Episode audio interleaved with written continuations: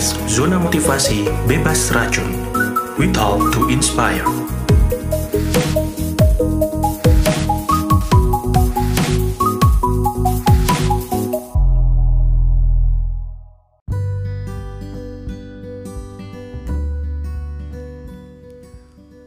Teman-teman semua, apa kabar? Balik lagi di podcast um, Zona Motivasi Bebas Racun Apa kabar teman-teman semuanya? Kita berharap teman-teman semua dalam keadaan yang baik, sehat dan optimis dalam menjalani hari-hari hidup Tidak terasa teman-teman, kita sudah ada di pertengahan bulan November 2020 Dan um, semangat buat teman-teman yang sudah berhasil menjalani masa pandemi Dari bulan Maret sampai dengan hari ini kita semua masih bisa sehat Ya meskipun ada banyak sekali gejolak yang terjadi sepanjang masa pandemi tetapi uh, satu hal bahwa kita masih bisa hidup dan mengakhiri uh, sampai pada akhir tahun 2020 dan itu semua adalah sebuah hal yang patut kita syukuri teman-teman ya.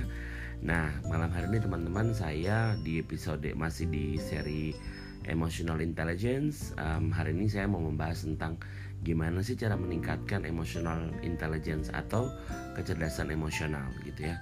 Nah, tapi sebelum saya masuk untuk membahas beberapa hal terkait dengan bagaimana cara meningkatkan emotional intelligence atau kecerdasan emosional. Saya mau review kembali nih dari podcast-podcast sebelumnya yang pernah kita bahas tentang kecerdasan emosional. Nah, kita mulai dulu nih dari apa itu emotional intelligence. Jadi, emotional intelligence ini adalah kecerdasan emosional dan kemampuan untuk uh, uh, emotional intelligence atau kecerdasan emosional itu adalah kemampuan untuk memahami mengevaluasi dan merespon uh, emosi diri sendiri dan juga orang lain.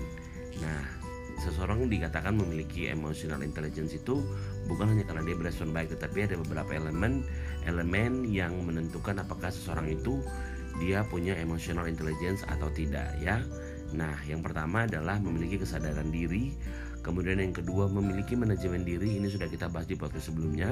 Kemudian memiliki motivasi ya memiliki motivasi kemudian yang keempat adalah memiliki empati atau uh, memiliki empati dan yang yang kelima adalah memiliki kemampuan sosial. Nah jadi lima elemen ini adalah elemen-elemen yang mendukung bagaimana seseorang itu bisa dikatakan memiliki emotional intelligence. Nah untuk podcast kali ini yang akan saya bahas adalah bagaimana cara meningkatkan uh, emotional intelligence ini gitu. Karena uh, tidak bisa dipungkiri bahwa kalau di masa-masa sebelumnya berbicara soal bagaimana kita menempatkan diri di uh, tempat kita bekerja atau di mana pun kita berada biasanya orang-orang itu mementingkan orang yang punya skill dan kreativitas nah tapi ketika masa itu berganti zaman itu berganti seseorang itu dalam dunia profesional ataupun apa pun yang dia kerjakan yang berhubungan dengan orang lain karena melibatkan emosi emotional intelligence sekarang menjadi hal yang sangat dipertimbangkan ya. Jadi selain kita punya skill, kita punya kecerdasan, kita uh, punya kreativitas, kita juga penting untuk memiliki kecerdasan emosional. Nah, karena hal ini penting bagi kita, kecerdasan emosional juga itu bisa membantu kita untuk memiliki produktivitas yang tinggi. Nah, kali ini teman-teman saya mau membahas bagaimana cara meningkatkan um, emotional intelligence atau kecerdasan emosional. Nah, jadi kalau tadi sudah saya bahas di awal, jadi setelah memahami manfaat dan pentingnya uh, emotional intelligence dalam uh, dunia profesional kita ataupun apa pun yang kita kerjakan, ada beberapa hal yang mau saya bagikan untuk bagaimana sih caranya supaya kita bisa meningkatkan kecerdasan emosional. Yap. Oke, langsung saja yang pertama yaitu belajar mengelola emosi negatif. Nah, meskipun sulit, namun cobalah untuk bisa mengontrol emosi negatif di dalam diri kita. Ini kemarin di podcast yang lalu sudah kita bahas juga ya.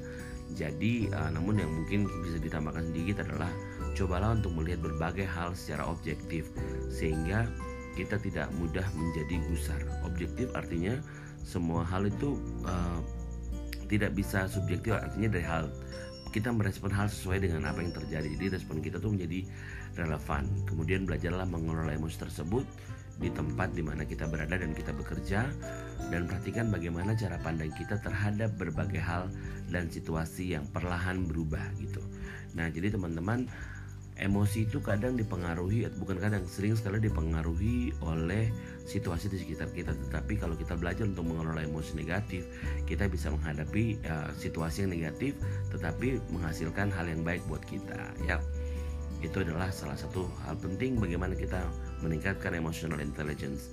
Yang kedua adalah latih kemampuan untuk berkomunikasi. Nah, Kenapa kita perlu untuk melatih kemampuan kita berkomunikasi? Karena berlatih berkomunikasi menjadi lebih andal di tempat di mana kita bekerja, di mana tempat kita berinteraksi dengan orang itu kemudian menjadi penting.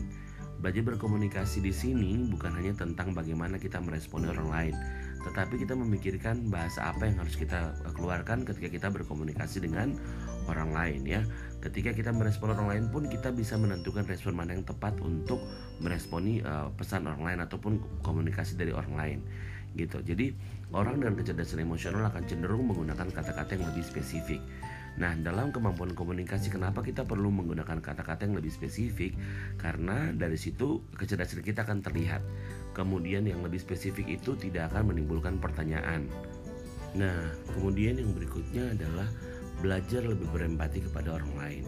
Cobalah untuk menempatkan diri kamu pada posisi orang lain dan memahami apa yang mereka rasakan. Dengan melakukan ini kita dapat memberikan tanggapan terhadap percakapan dan situasi dengan tepat artinya relevan gitu. Kalau kita belajar untuk apa put our food in other shoes, kita mungkin bisa melihat bagaimana seseorang itu mengalami hal yang mungkin sulit ataupun hal yang baik, tetapi dari perspektif mereka masing-masing. Ini akan membuat kita menjadi orang yang cukup mudah untuk um, tahu bagaimana uh, meresponi orang lain untuk memahami bagaimana cara yang tepat untuk mendengarkan orang lain gitu ya teman-teman. Jadi pastikan kita jangan menjadi orang yang um, kemudian kesulitan untuk uh, apa namanya berinteraksi dengan orang lain hanya karena kita melihat segala sesuatu dari sudut pandang kita saja ya. Jadi teman-teman pastikan kalau misalkan kita berempati kepada orang lain uh, ya tentu saja kita mulai untuk bisa melihat apa yang orang lain alami dari sisi-sisi mereka gitu. Dalam hal ini kalau tadi kita di poin yang kedua tadi saya sebutkan tentang komunikasi mungkin dalam hal ini kita akan memilih uh, bukan memilih tapi melakukan uh, sebuah hal yang baik yaitu belajar untuk mendengarkan gitu ya. Jadi empati itu kita belajar untuk mendengarkan apa yang sebenarnya orang lain uh, apa namanya rasakan ya. Jadi berkomunikasi dan berempati bukan hanya tentang bagaimana kita bisa menyampaikan pesan tetapi juga bagaimana kita bisa memposisikan diri kita sebagai pendengar yang baik ya nah kemudian yang keempat adalah bersosialisasi Kemampuan bersosialisasi akan sangat mempengaruhi kecerdasan emosional kita. Tingkatkan kemampuan sosial dengan menjadi pendengar yang baik bagi orang lain, memperhatikan komunikasi nonverbal, serta menjalin uh, melatih kemampuan untuk memecahkan masalah ketika konflik muncul. Kenapa bersosialisasi ini kemudian menjadi penting? Karena kita ini berada di tengah-tengah uh, orang yang beragam, di tengah-tengah karakter yang beragam, pola pikir, cara pandang perspektif itu yang beragam. Nah ketika kita berinteraksi dengan orang lain kita bersosialisasi dengan orang lain ada hal yang bisa kita bagikan dan ada hal yang bisa kita dapatkan dari proses belajar dari orang lain. Untuk itu sosialisasi ini sangat penting.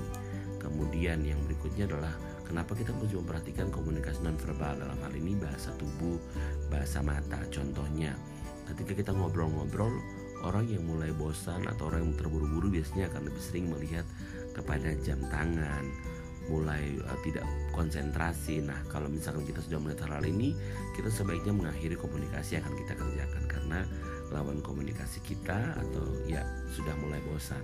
Jadi perhatikan untuk komunikasi non verbal sehingga ketika kita bersosialisasi kita menjadi orang yang tidak membuang waktu orang lain ya. Itu adalah bagian dari bagaimana cara meningkatkan emotional intelligence. Kemudian kembangkan motivasi diri kenapa semua orang itu uh, ada motivasi ada yang demotivasi ada banyak orang yang kemudian uh, dengan kecerdasan emosional akan dengan mudah memotivasi dirinya sendiri tanpa harus menunggu orang lain memberikan motivasi tetapi ternyata ada banyak orang juga yang kemudian membutuhkan motivasi dari orang lain Nah, kalau kita berbicara soal meningkatkan kemampuan emosional, kita harus belajar untuk mengembangkan motivasi itu dari dalam diri kita sendiri. Yang pertama, uh, kenapa demikian? Karena yang pertama kita sendiri bisa melakukannya, yang kedua adalah hal tersebut bermanfaat untuk diri kita sendiri. Sehingga sebelum kita memotivasi orang lain, hal tersebut bisa langsung dilihat oleh orang lain tanpa harus kita menjelaskan dan memotivasi orang lain. Sehingga kalau kita bisa mengembangkan motivasi diri kita, orang lain pun akan mudah termotivasi dari apa yang kita kerjakan ya nah kemudian um, yang terakhir adalah active listening skill tadi sudah kita bahas tentang bersosialisasi kemampuan komunikasi. Nah salah satu contoh dari penerapannya itu adalah uh, mengembangkan selalu mendengarkan orang lain secara aktif atau active listening belepotan. Sudah lama di Indonesia ternyata. Active listening saat mendengarkan penjelasan-penjelasan orang di yang berkomunikasi dengan kita. Pastikan bahwa kita juga bisa memahami apa yang dikatakan orang sebelum menanggapi Perhatikan pula detail percakapan nonverbal ini berguna agar kita dapat menanggapi dengan relevan, mencegah kesalahpahaman sekaligus menunjukkan rasa hormat atau respect kepada lawan bicara. Nah, jadi teman-teman itu beberapa yang mau saya bagikan tentang bagaimana kita uh, mengembangkan uh, kecerdasan emosional kita.